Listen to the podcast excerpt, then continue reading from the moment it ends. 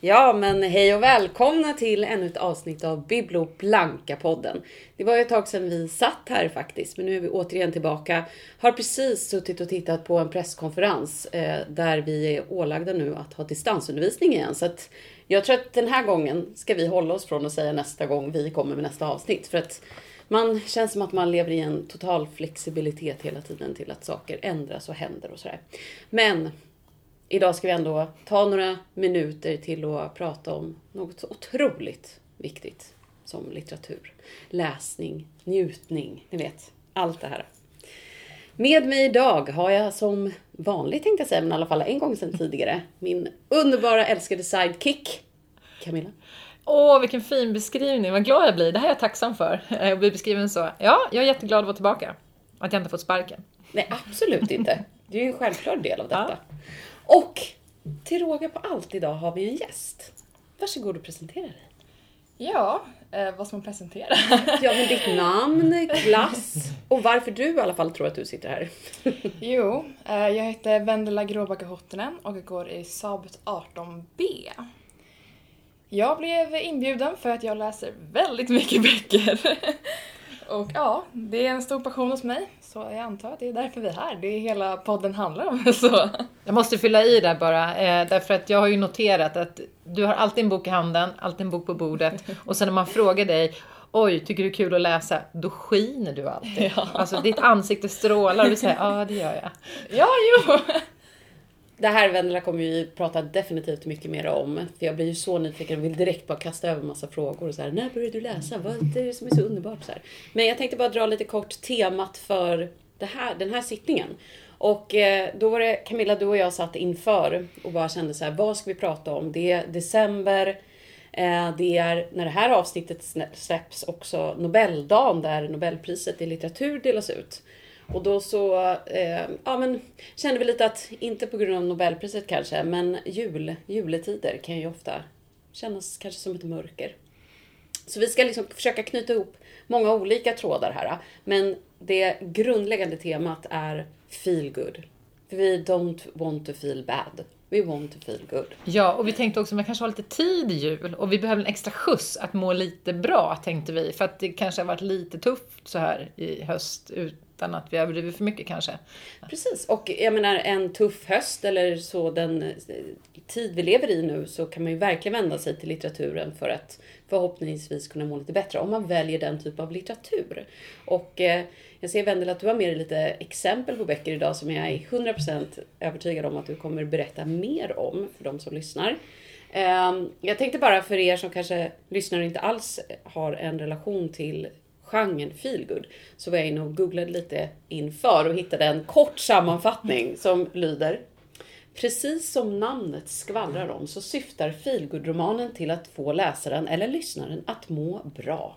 Det finns några klassiska ingredienser som i princip varje lyckad bok i genren bör och brukar innehålla. Det är mysigt, håller du med? Ja, absolut. Det ska vara roligt. Romantiskt och oftast i alla fall ett lyckligt slut. Mer komplicerat än så är det inte. Det är underbart. Så utifrån detta ska vi alltså snacka feelgood. Vi kommer förhoppningsvis eh, hinna eh, komma med lite kanske boktips inför julklappsshoppingen. Och eh, jag kan på förhand säga att jag inom en snar framtid kommer smita härifrån så att ni kanske får avsluta, avsluta det här avsnittet utan mig. Trots allt, undervisningen går ju först. vi ska kämpa och det är ju en superfin inledning vi har fått här nu. Eh, Jag känner direkt bara lite så stressad om jag eh, kommer jacka in på alla de där eh, i definitionen. Men jag tänker att det kan ju också vara så här, man mår bara bra av det helt enkelt. Man tycker det är kul att läsa. Men jag är också precis som Annette väldigt nyfiken på hur du tänker. För du har ju faktiskt själv beskrivit också för mig att det är feel good som du är mest intresserad av lite, eller? Ja, det är ju det jag läser mest. Det är ju tonårsklyschor och sånt som eh, går in i ena örat, kanske ut i det andra. Ibland stannar det, ibland inte. Men det är också två böcker jag har här som jag kommer att berätta om. En är typisk feelgood och andra är lite av ett, ja lite båda skulle jag säga. Både jultips och feelgood. Skitbra, men jag är bara lite orolig. Annette, har du något som du känner att du absolut vill dela med oss eftersom inte vi kommer få njuta av dig precis hela stunden här idag? Så att du hinner få, om du har något tips eller... Ja, men Jag, jag hade förberett lite så här, julklappstips. Eh, varav i alla fall en skulle jag väl säga är på temat feelgood. Och, men till att börja med så skulle jag väl känna att feelgood är också en, en genre som jag har en stark relation till. Och jag började, nu vet inte jag när du började läsa den så här tonårsgenren, om den började innan tonåren. Jag tror att det var så typ för min del, fast det kanske inte definierades som feelgood. Men den typ av litteratur som man liksom det pirrar lite när man läser och man blir inte så jättedeppad. Liksom. Och det drogs jag också till väldigt mycket. Så jag har nog läst väldigt mycket mer feelgood än vad jag typ kan minnas. För det tycker jag, du beskrev det så bra med att det går in där, ena örat och ut genom det andra. Och det är typ lite en del av genrens också uppdrag. Att bara låta en fly, fly bort för några minuter. Liksom. Eller några timmar i alla fall, som det tar att läsa boken. Ehm, men jag på senare år trots allt fortfar- fortfarande läser. Och en feelgood skulle jag väl ändå säga författare. Eh, svenska Simona, Simona Arnstedt. Henne har jag läst. Ja, jag tycker ändå att hon har någonting. Det är ju inte, alltså det är inte storslaget så. Men hon väver också in liksom något mer drama ändå. Men det är ofta så här, lite mera passion kanske. Och det är ju en, tycker jag också en liten del så här, sex inblandat i det. Ja, jag skulle dock säga, jag har läst en av hennes böcker tror jag. Och eh, jag tror att mer att det är så för äldre tonåren och Det lite stämmer. vuxnare. Jag är inte tonåring så det glädjer mig. Lite äldre tonåringar. Håller helt med verkligen. Men, Men, men de som är erfarna att läsa, för att annars kan den uppfattas som lite långtråkig. Jag upplevde det, jag läste när jag var lite yngre.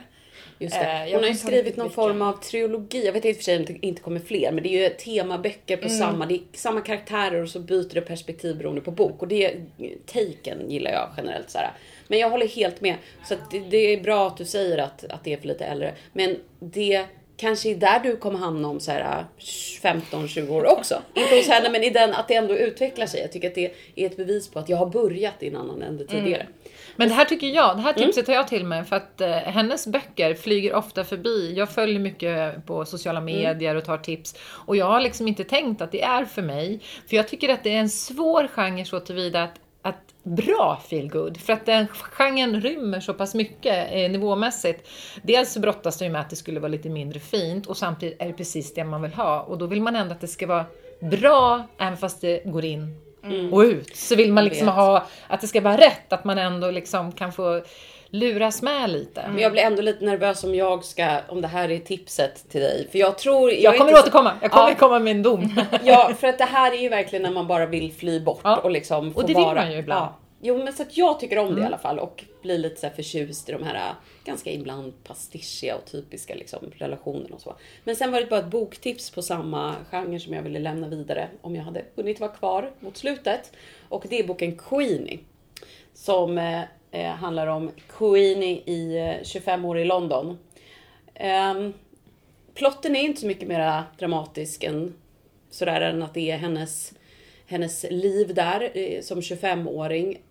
Något mer kanske eh, liksom mörk i, den har liksom en svart ton på något sätt i sitt det är inte så här gulligt och mysigt hela tiden. Men ehm, jag tycker att den speglar kanske en ny typ av feelgood. Alltså bort från de här, så här lilla pajhuset på berget och den typ av feelgood litteratur till det här något mer ehm, realistiska över liksom att den, just i det här fallet med boken Queenie så tar den in eh, rasism, den tar in sexism, alltså flera sådana komponenter. Ja, så den här tycker jag verkligen att... Men vad är det eh, som gör då att ändå tar med den här genren? Att det har den det här lyckliga slutet eller en hopp eller? Jag tycker att den har ett lyckligt slut Ja. för att hon själv eh, gör massa breakouts. Alltså det är inte så att man mår dåligt av att läsa den. Det är fylld med humor, hon är klipsk, hon är snabb.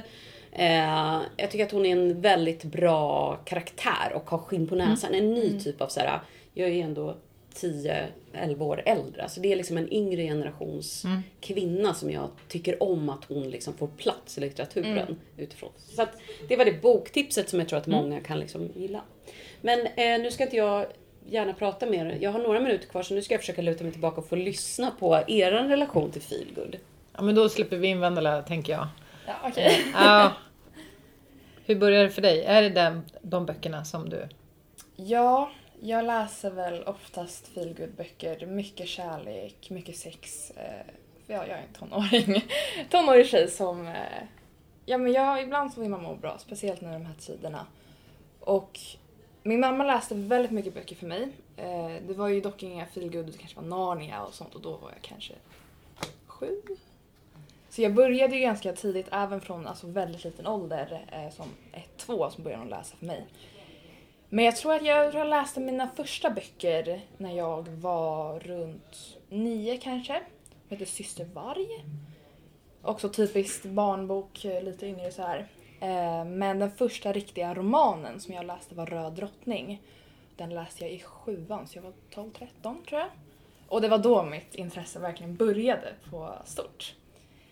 Eh, Men jag, jag köpte riktigt, inte riktigt egna böcker då utan jag eh, läste vidare de bokserierna vi läste i skolan.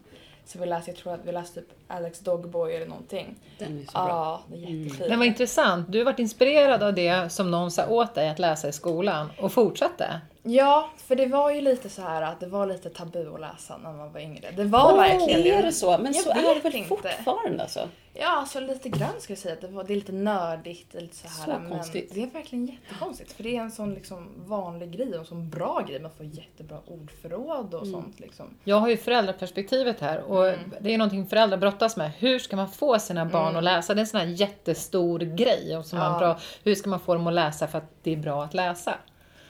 Hur, kom det sig, hur fick man dig att läsa? Räckte det att sätta bra böcker i din hand? Alltså jag är ju väldigt kräsen med böcker. Eh, men det var verkligen så här, det- är väldigt olika för många och jag tror egentligen att till exempel när man läser högt i skolan då är det en sån här tvångsgrej, du måste lyssna, du måste skriva frågor och sånt så här. Och det tycker många är väldigt jobbigt för att då känner de om jag får inte välja själv och sånt. Men för mig så var det helt tvärtom. Det var liksom en ny start. Det var liksom den här boken kan jag läsa vidare på. Okej, den lät intressant. Hmm, vad händer nu?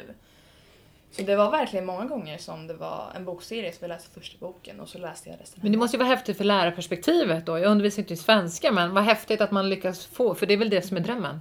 Gud, alltså förra året hade jag en sån, när, då hade vi liksom i svenska 1-kursen fick de läsa samma bok allihopa, eh, Odjuret.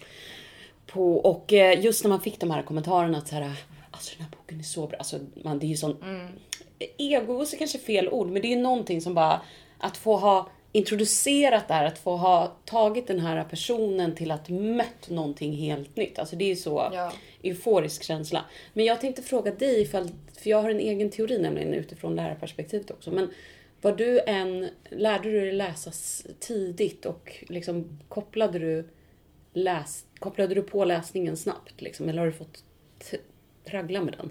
Ja, jag har ju alltid haft väldigt mycket fantasi. Mm. Eh, och jag tror att det hjälpte mig när jag började läsa. Jag tror att jag började läsa ganska snabbt. Mm. Eh, för det var någonting min mamma alltid gjorde för mig och till slut när hon inte kunde läsa då läste jag själv och det var liksom böcker som Narnia till exempel eller grekisk mytologi och sånt.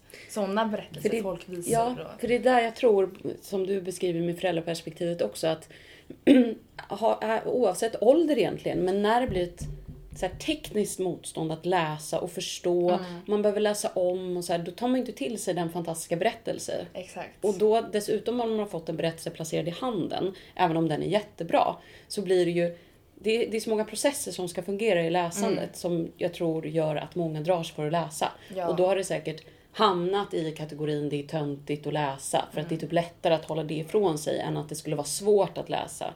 För att de allra flesta, alla kan ju läsa i, i princip. Men att förstå att man att det är lite komplicerat, att det är lite motigt. Och att förstå allting, det tror jag är liksom ett moment för mycket till att kunna njuta av. Min erfarenhet av det här har varit att, eh, ja ibland, ofta så är det ju så att om du har, om du ger en bok, samma bok till alla i klassen till exempel. Det är väldigt svårt att få folk att börja läsa genom det sättet. Men till exempel så jag började gilla läsning, då fick vi en, till exempel en, en genre. Och så fick vi välja bok själv, vilken tyckte jag lät intressant. Sen är det många som väljer, okej okej den här boken var kortast så jag väljer den. Men det var verkligen så, okej, den här boken lät intressant, jag ska pröva mig på. Och det var så jag började läsa. För då läste jag på Röd drottning och bara, den här, den här är verkligen intressant. Jag tror den var på 500 sidor och sådär. Den på två dagar. Den lilla boken på 500 sidor. Ja, ingen stress här ute nu. 500 sidor är en lång bok. Ja, men eh, det var ju verkligen ett stort steg. Ja. Så, och det var verkligen då jag satt ju jätteintensivt och läste. Ja, två, två och en halv dag tror jag det tog. Och sådär. Men det var verkligen så wow, böcker. Pratar du med någon om dina böcker? När du har läst? Jag har ju en lilla syster som läser, eh, som nu har börjat läsa ganska mycket. Eh, Och det tar jag cred för. Ehm, så jag har ju gett massa boktips till henne och eh, hon märker ju så att jag förklarar så här, wow, den här boken låter Mm. jättebra för att jag är verkligen så passionerad kring ämnet. Så det är till exempel en bok som jag gav henne, gud vad heter den? Det slutar med oss. Fantastisk bok. Undrar om jag har läst den? Åh, den är så bra. Eh, det passar inte riktigt in på jultemat. Eh, Men den är, alltså den, jag kan verkligen rekommendera den för den är så sjukt bra. Jag tror jag läste den på en dag. Alltså den, den är fantastiskt skriven, det är intensivt med tonårsböcker och sådär. Helt underbar. Vad roligt, men nu tar vi en av de här som du har framför dig.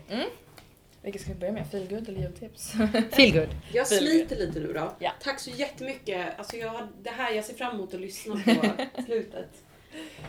Ja, men Hej då då. har vi en bok här. Den är ganska kort för att vara för mig. Jag tror att den är ungefär 330 sidor ungefär. Och den heter Vi som älskade. Eh, det är René Carlino som har skrivit den och det är en Love Reads-bok. Om man gillar det här feelgood och kärlekstemat så ska man kolla efter den här etiketten som står på slutet av boken på framsidan här. Står det Love Reads. Den har jag aldrig tänkt på. Nej, jag märkte det för jag eh, hade en massa böcker som jag läste och jag hade den alla Så det är inget särskilt förlag utan det är mer en Nej, jag tror faktiskt jag vet faktiskt inte eh, om det är ett förlag eller inte. Det kanske är det. Men det är i alla fall typisk kärleksroman. Riktigt Men vad, vad är bra med den här då? Jo, den här boken är bra för att ja, men den har en väldigt bra historia tyckte jag. Eh, Det, är, det handlar om Matt och Grace. De eh, inleder ett väldigt romantiskt, ungt, nytt, spännande förhållande eh, på college. Och den hoppar lite så här i tidslinjen eh, från varje kapitel typ. Där de berättar deras historia om hur de var när de var små och sen så träffas de när 15 år senare. Och jag tror att de träffas bara, alltså, bara någon sekund. De ser varandra på tunnelbanan och så tänker de tillbaka på alla minnen. Och man får verkligen läsa deras historia eh, på så fint sätt. Det är verkligen så här: wow, sånt här förhållande vill jag ha. Eh, det är verkligen det här, du flyter in i en helt annan värld. Du känner hur du är i boken. Och den här boken, den, den får dig må bra. Nu beskriver vi den känslan. Får må. Den är mysig. Den är jättemysig. Men det är inte tråkigt då? När man kan, kan man räkna ut vad som ska hända? Vad är det som gör att det inte blir tråkigt om det är mysigt samtidigt? Det är ju det som är väldigt komplicerat. Det är därför man måste ha riktigt bra författare. Eh, därför är jag också väldigt kräsen med böcker. Eh, jag har alltid varit så här, om det första kapitlet inte fångar mig, då lägger jag undan boken. Då är den inte värd din Då är den uppmärksamhet. inte värd. Eh, det har varit vissa böcker som jag har försökt att läsa vidare på och det har gått hyfsat bra. Men jag har för mig att det var just den här boken, på första kapitlet, det var så här, gud vad händer nu? Jag måste läsa vidare. Eh, för det var, tror jag, det första som verkligen sa, okej jag ser henne och då kommer alla liksom känslorna tillbaka. Och jag tror att det är det som är viktigt, att man behöver göra en intressant från början. För att jag tror att det är det som många tonåringar blir svikna av författare. Eh, att de ger en bara ett kapitel. Ungefär 30 sidor, sidor brukar eh, en vanlig tonåring läsa tills de inte orkar mer. Men funkar den här, den här boken nu då? Vi som älskade eh, av, säg författaren igen. Jag tror att den heter typ René på svenska. Ja. René eh, Car- Carlino. Car- Carlino. Eh, den skulle du rekommendera om man inte är så van men tänker att ja, men, eh, det, det skulle vara mysigt att fastna för en bok eller jag ska läsa något i jul. Är det, är det en bra bok att, eh, om man är lite trög i sitt läsande? Ja, det, det är väldigt lätt språk. Eh, väldigt mycket känslor som beskrivs. Och för mig så är det så här att jag måste ha en bok som jag kan... Alltså det, är- det är inte bara en bok som jag läser utan det är en bok jag är del av. Eh, och det är verkligen, böcker är ett sätt att fly från verkligheten. Mm. Och speciellt feelgood, om du vill må bra eh, så ska du läsa just feelgood för att då försvinner du i verkligheten och när du har läst de här sidorna, eller hela boken till och med, så jag kan inte riktigt beskriva känslan men det är någon känsla så att du, du bara går runt och ler. Du gör det? Jag gör det ibland. Jag vågar vara runt och liksom flyta på moln. Tänker verkligen- du till och med så här, åh vad härligt, jag läste boken och du kan behålla den känslan? Ja, ja. Eh, kanske inte jättelänge. Det beror på vilken bok. Eh, Men det är det som händer då när jag frågar dig om böcker. Ja, ja. Det- För det har jag iakttagit att så fort jag frågar dig om böcker, då ler du. Ditt leende bara spricker upp och du kan inte hålla emot. Även om du har suttit innan och sett inbunden. Eller, Men Mm. frågar man om dig, vad har du framför dig? Så lyser du. ja. Det är ju därför också... Ja, jag har ju en bok varje lektion. Vi träffas ju bara en gång i veckan. Ja. Men jag, ja, genomsnittsutläsningen på böcker brukar vara två dagar för mig. Så det har ju gått tre veckor när du ser mig igen där. Ja, wow. Eh, vi tar den andra boken då. Eh, för, ju- det, här, det här är ju ditt jul. Vi skulle ju prata lite tips också eh, inför julen. För mig är det en liten utmaning kan jag säga, bara när det gäller feelgood. Eh, men jag kanske väljer att ha en lite bredare definition på det. För att jag mår ju bra bara av att läsa böcker. Det är väldigt viktigt för mig och det är återhämtning och vila. Så att det kan ju vara väldigt mörka böcker och jobbiga historier och komplicerade.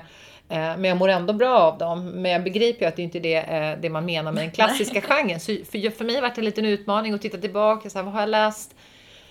För jag har också läst väldigt mycket feelgood i mina dagar, men det var kanske länge sedan den traditionella boken. Jag ska läsa de här tipsen från Anette. Jag försökte tänka, vad har jag läst det senaste året som är feelgood? Och så bara, nej, ingen som liksom platsar. Så då vill jag ändå det vaska fram ur min hög, som jag ändå fick med att som jag tycker är lite och som också är mitt julklappstips. Så jag tänkte vi kommer in på tipsen där. Det är eh, Annika Norlins novellsamling eh, som heter Jag ser allt du gör. Och Annika Norlin är ju också popsångerska och sjunger i säkert och är superpopulär. Och den här novellsamlingen har ju fått jättefina recensioner. Eh, och det är ganska dråpliga noveller i den. Och jag brukar egentligen inte läsa noveller för jag tänker att det blir så tråkigt att det tar slut och så ska man börja om. Och den här novellsamlingen tyckte jag var helt fantastisk.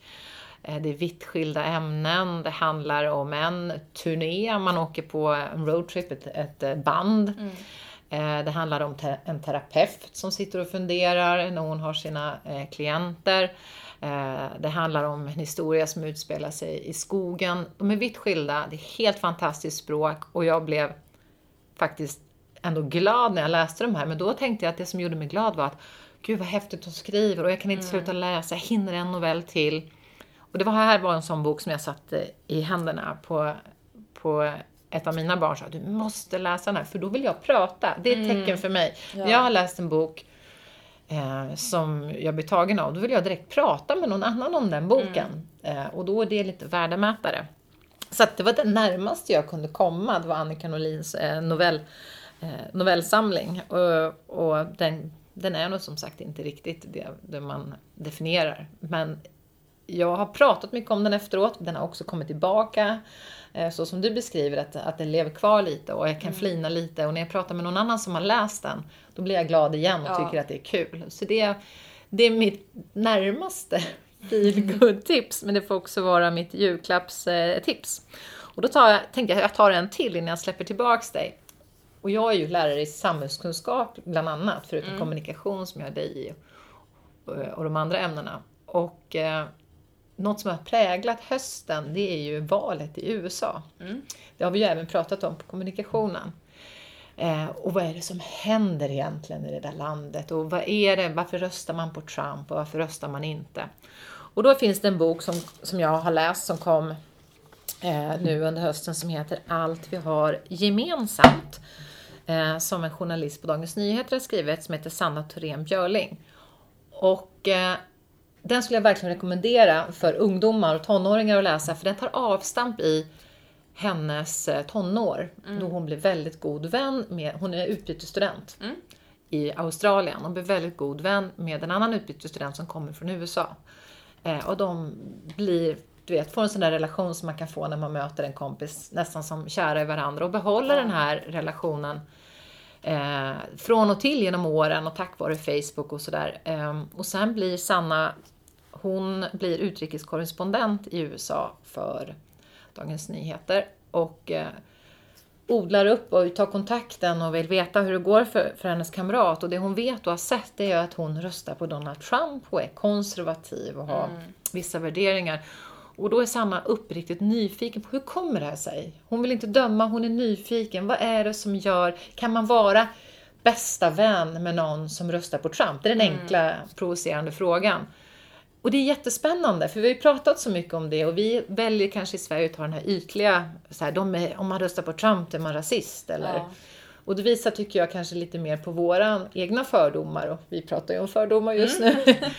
eh, och det är jättespännande för man får lära sig om hur det är att vara tonåring och utbytesstudent och relationer. Sen får man lära sig om hur funkar USA, det är återblickar till till eh, inbördeskriget, amerikanska revolution och väldigt, väldigt lätt, alltså det är lättläst. eh, eh, Och hon kopplar fram och tillbaka och söker verkligen frågan, vad är det i amerikanernas själ? Vad är det? Kommer jag, kommer vi kunna fortsätta vara vänner? Och som umgås de mer och mer och hon berättar att hon ska skriva den här boken och, och den här andra familjen har ju helt andra, hon uppfostrar sina barn och lär sig skjuta och allting går egentligen på tvärs. Och Sanna gör det med sån respekt så att Ja. man får lära sig någonting. På ett sätt som att jag kan tänka mig att det låter som att man då, inte tonåring bara, nej jag vill inte lära mig någonting. Ja, bara, ja, och det är inte det. Man kan inte bara sluta läsa. Den är så Ja. lättläst och det är så snyggt gjort att hon väger in sin relation. Mm. Man får ju liksom komma nära. Så det är egentligen mitt bästa tips om man faktiskt vill ha alltihopa, om man är intresserad Ja. av samhället. Och jag hävdar att de flesta tonåringar och ungdomar på den här skolan är intresserade av samhället. Kanske inte alltid så som vi tänker att man Mm. Ja. ska göra det, men man är det. Så att det är min supertips tycker jag. Eh, var hennes bok Sanna eh, Thorén Björling, Allt vi har gemensamt. Om man är nyfiken på, och hon gör också en analys av vad kommer hända nu efter Mm. valet. För den boken kom ut precis strax innan. Så det är mitt tips. Nu släpper jag in dig igen. Ditt supertips. Det är Ja. något helt annat. Ja, det är det. Jo, jag som sagt har ju läst väldigt mycket böcker. Och eh, jag skulle kunna sitta här med hundra olika tips. Men jag, jag har faktiskt valt en av mina favoritserier. Det är en bokserie på tre böcker. Och det heter Timglaset. Den är skrivet av Gina Showalter. Och ja, jag är inte lika bra på att berätta som Du är du superbra Jag på att berätta. eh, Väldigt flummig för jag blir så exalterad. Eh, nej men det här är en jättefin bok. Alla tre böcker är jättefina. Och den tar lite in vad som händer efter döden. Wow. Fast på ett slags, ett lite fantasy-sätt. Jag är personligen inte någon som läser fantasy men just Fantasy här... var ju eh, poddens förra tema. Mm. Det pratade vi om förra veckan, så det är ganska intressant att du ändå knyter Ja. tillbaka lite. Jag är ju verkligen inte någon som läser sånt. Jag gillar verkligheten för jag vill kunna känna mig in i boken på ett helt annat sätt. Men den här boken är så välskriven så man skulle nästan kunna tro att det skulle vara verklighet. Ja, kanske inte, den är lite, men den är så bra. Och det handlar om eh, Ten, som heter Tenley egentligen, Ten Lockwood. Och hennes liv helt enkelt. Och då får de veta så här, ja, eh, alla vet från början att det finns två riken. Två riken i efterlivet. Ena heter Trojka och andra heter Myriad. Och det är lite som mörker och ljus. I Myriad då festar man, man tar droger och alla har sex på gatan och allt det där. Ja. Det är verkligen, alltså Ja. verkligen, och det är mörker och det är inga lagar liksom. Ja. Trojka, då är det väldigt vackert, det är fina vattenfall, många regler, man är, allt är perfekt och mycket så här lite, ja men lite så feelgood känsla. Eh, men i alla fall så får man följa Ten i den här boken och eh, varje människa i världen får en egen vägledare. En från Trojka och en från Myriad. Eh, för att ja, men lite så här försäljare, ja men kom till Trojka liksom, Ja. eller kom till Myriad. Eh, och då får hon då två killar. En heter Killian och jag tror att andra heter Archer. Eh, som ska försöka få henne till deras rika helt enkelt. Och eh, killen är från Myriad, lite, lite såhär bad boy med tatueringar och svarta kläder och sådär. Och Archer är då prinsen från Trojka. För eh, ja, det var helt enkelt så att det fanns, fanns en kung som, som styrde allting. Det var egentligen ett stort rike. Men eh, det blev krig mellan kungen och bron. Men du, händer allt här i första? Ja. Ja. Ja. Eh, jag spoilar inte för mycket. Det är, man, det är lite förkunskap man behöver veta. Ja. Och eh, då så blir det två riken och de här är motsatta varandra. Och eh, hennes föräldrar vill att hon går med i Myriad tror jag. Men hon är inte så säker, hon vill välja själv. Så de sätter henne i ett, lite men, eh, ett fängelse, ett psykiskt fängelse i princip. Där eh, hon ska få psykiatrisk vård helt enkelt, fast väldigt grov med tortyr och sånt. Men den här boken är så fantastisk och de andra också för det är verkligen, de beskrivs på ett bra sätt och så mycket händer men inte så mycket att man tappar bort sig. Så det är verkligen, ja, jag, det står här också, fastnade direkt och kunde inte sluta läsa. Och det var verkligen den beskrivningen. Men har en drag av dina huvudgenren här, att eh, mår man bra av att läsa den? Också, eller? Ja, alltså det är ju lite av båda. Det är så mycket spänning men det är ändå mycket romans. Spänning och romans. Ja. Eh, men det är verkligen en bok som jag säger, men gud den här boken skulle jag liksom läsa. För att jag är verkligen mycket, det ska vara sex och kärlek. Ja. Eh, och du ska in i ena örat och ut i det andra liksom. Men den här fick mig så fast. Men det här är lite som en saga nästan, eller? Ja, men det skulle man Ja. säga. Ja, men du mådde fortfarande, oj förlåt, du mådde fortfarande bra när du hade läst den. Det här Ja, leendet kommer Ja, ändå. ja. Man blir inte ledsen. Nej, och jag, jag har köpt i första delen eh, precis innan jag skulle gå utomlands. Ja. Eh, och sen så läste jag ut den då under jag var utomlands där. Och jag blev så arg att jag inte kunde köpa den andra direkt. Eh, och sen den tredje kom precis ut tror jag bara för något år sedan. Så, här. så jag fick köpa den med eh, ja, den dyraste versionen då med eh, hårt skal och så. ja. Men det var värt det. Köper du annars alla böcker? jag köper alla mina böcker, jag lånar aldrig på biblioteket. Hur mycket böcker har du hemma? Jag har så många böcker. Det, man försöker sätta upp bokhyllor men jag har för lite rum för det. Så det är mycket böcker. Men det här är ju, men det är ju ett superbra tips för jul, både att ge bort men att Mm, ja, kanske ja. dyka ner i själv när man väl är ledig och ska tänka på andra saker Mm. än studier.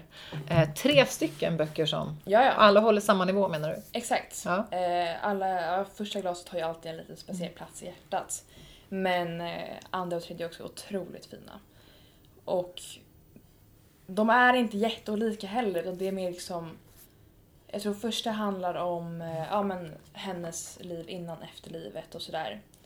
Och hur de eh, två killarna då ska försöka få en till deras rike. Och så väljer hon ett rike och så får man veta under, jag tror att det är i tredje boken kan vara i hälften, hälften av andra, det var länge sedan jag läste de här. Så där man får se hur hon kommer in efter livet helt enkelt. Jag blir, jag blir jättenyfiken. Jag kommer, lä- jag kommer vilja läsa både de här och de som Anette tipsade om. Det jag är nyfiken på, när du ska hitta en ny bok att läsa, för du har ju bestämd uppfattning, Mm. du vet vad du vill ha och du är kräsen och det ska vara bra. När jag då tipsade om en faktabok här alldeles nyss, finns det någonting som skulle kunna få dig att ge en faktabok en chans? Alltså det, är- det är väldigt svårt, du är väldigt bra på att förklara. Så jag blev lite nyfiken faktiskt. Det är, det är någonting som man verkligen ska träna på om man vill få folk att läsa det, att låta intressant. eh, så det är många som jag har till exempel gått till Akademibokhandeln och frågat de som eh, jobbar där, bara, ah, vilken bok rekommenderar du? Ja. Och vissa böcker som man rekommenderar så här, mm, nej. Men andra har fått den att låta så bra liksom. Och Ja. man är så här, wow, jag måste ha Ja. den. Liksom. Eh, men eh, jag är ju inte jätteintresserad av till exempel politik eller ja, men, samhället och på det sättet. Så du blir lite rädd när jag säger läs en bok om, om samhälle och Li- politik. lite. Du- men jag försöker locka in så, Kan man lyssna på en lärares boktips? alltså det beror på. men alltså, jag tyckte ändå att det lät ganska intressant det här med eh, jag har ju också väldigt starka fördomar på de som röstar mot Trump och jag tror att de flesta i Sverige har det. Eh, och ibland så är man väldigt bestämd. Nej, han, han är dålig. Jag tänker inte ändra min åsikt och sådär. Men eh, jag tror att den boken hade nog kanske kunnat... Ja, men nu har ju du studerat också hur, vad man ska göra med sina fördomar. Man ska Mm. utmana dem, eller ja, hur? exakt. Eh, boken, det kan jag avslöja, boken kanske inte kommer göra att du tycker så himla mycket bättre om Trump, Mm. men däremot en förståelse för, De som ja, och att USA är ett stort land. Ja. Och dessutom kan det vara all, allmängiltigt, tänker jag, om man får barndomskamrater och sen om man utvecklas åt olika håll, Mm. man kan plocka över hit, om man röstar på i grunden fundamentalt olika partier kan Mm. man fortfarande vara vänner. Eh, vi har pratat om toleransbegreppet på kommunikationen. Kan man liksom stå ut med att någon Mm. tycker fundamentalt olika? Eh, det kan man också använda boken för. Och nu inser jag, det kanske inte låter som att åh, den boken vill jag läsa, men det är, mitt, det är ett supertips faktiskt. Eh, och jag hävdar ju att unga människor är intresserade av samhället fast de inte på det sättet Mm. som vi tänker oss. Vi måste bara förstå att det, de, jag tror att ni är det. Ni är djupt intresserade av samhället. Ja, Håller du med om det eller? Jo, eh, vi har ju... Vi pratade ju lite om det här med att eh, äldre inte har samma uppfattning av unga. Liksom. Exakt. Eh, och vi tänker mycket på till exempel framtiden och Ja. hur vi kan förbättra samhället och sådär. Och till exempel nu corona, det är oftast, så jag vet inte hur, men jag i alla fall som tonåring tänker verkligen på att hålla avstånd. Inte för mig själv. Jag tänker inte så här, ja men fan, jag är inte rädd för corona, jag kommer inte dö liksom. Mm. Men jag håller avstånd för andras skull. Och det är det jag tror också att det är, det är många tonåringar som tänker också på andra. Mm. Eh, och tänker okej men vad kan jag göra för att andra ska må bra, vad kan jag göra för att jag ska Mm. må bra? Och på det sättet tänker jag ja, men hur samhället Ja. fungerar och sånt. Eh, men vi är ju inte riktigt, inte de jag känner i alla fall som är så här: wow vi måste ändra, förändra världen eller eh, ja vi måste gå i politiskt ungdomsparti. Men du, att läsa böcker är väl också en handling? Att man är Ja. intresserad? Eller? Jo, men absolut. Eh, men det är också med din bok till exempel, Ja. där man får följa en tidslinje. Ja. Det är en av mina favoritböcker, där man får reda på anledningen till varför det kanske blir vissa tankar och sånt. Eh, så jag tycker, jag skriver också låttexter och det är också det som jag tycker är så fantastiskt. Ja. Att just gå från det här unga till det äldre, det Ja. äldre till det unga. Ja. Men inte för mycket då. Eh, så man har förståelse för okej, men vad har hänt? Mm. Hur hände det här? Mm.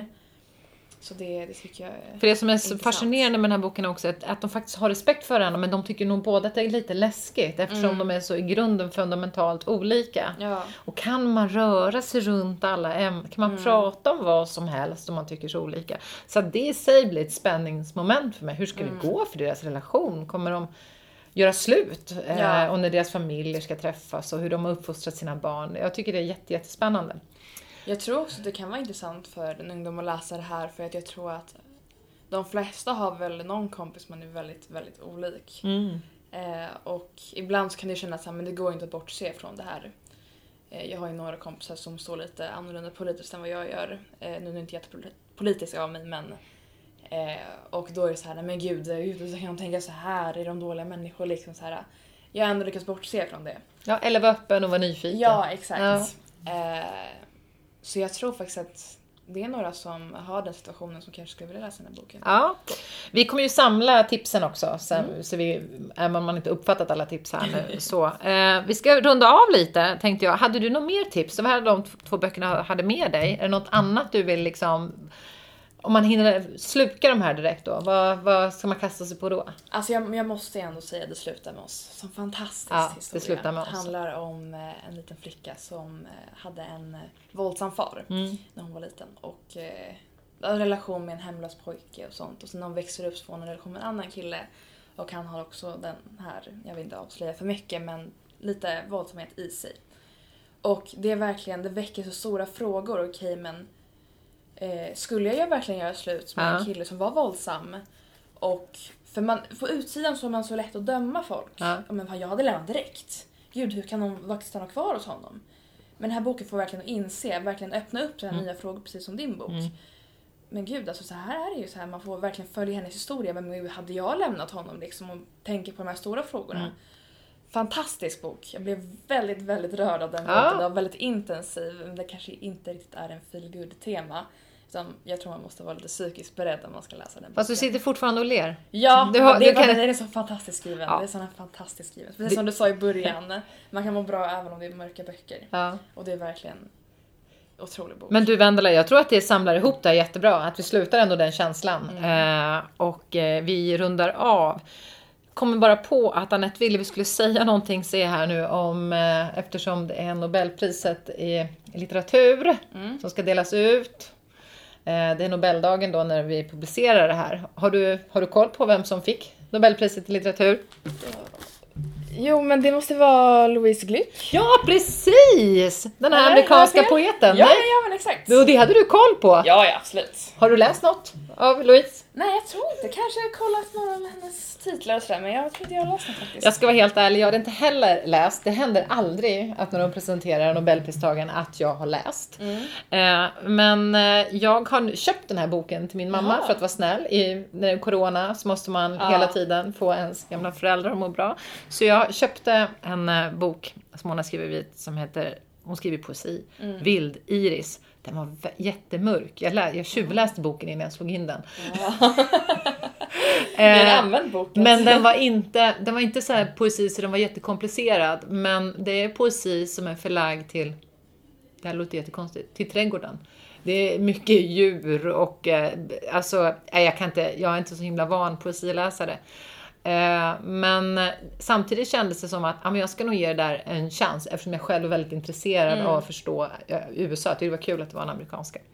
Eh, så vad ska vi säga om den boken? Om Nobel? Tycker vi att det var ett bra val med Louise Gluck? Vad säger du Vendela?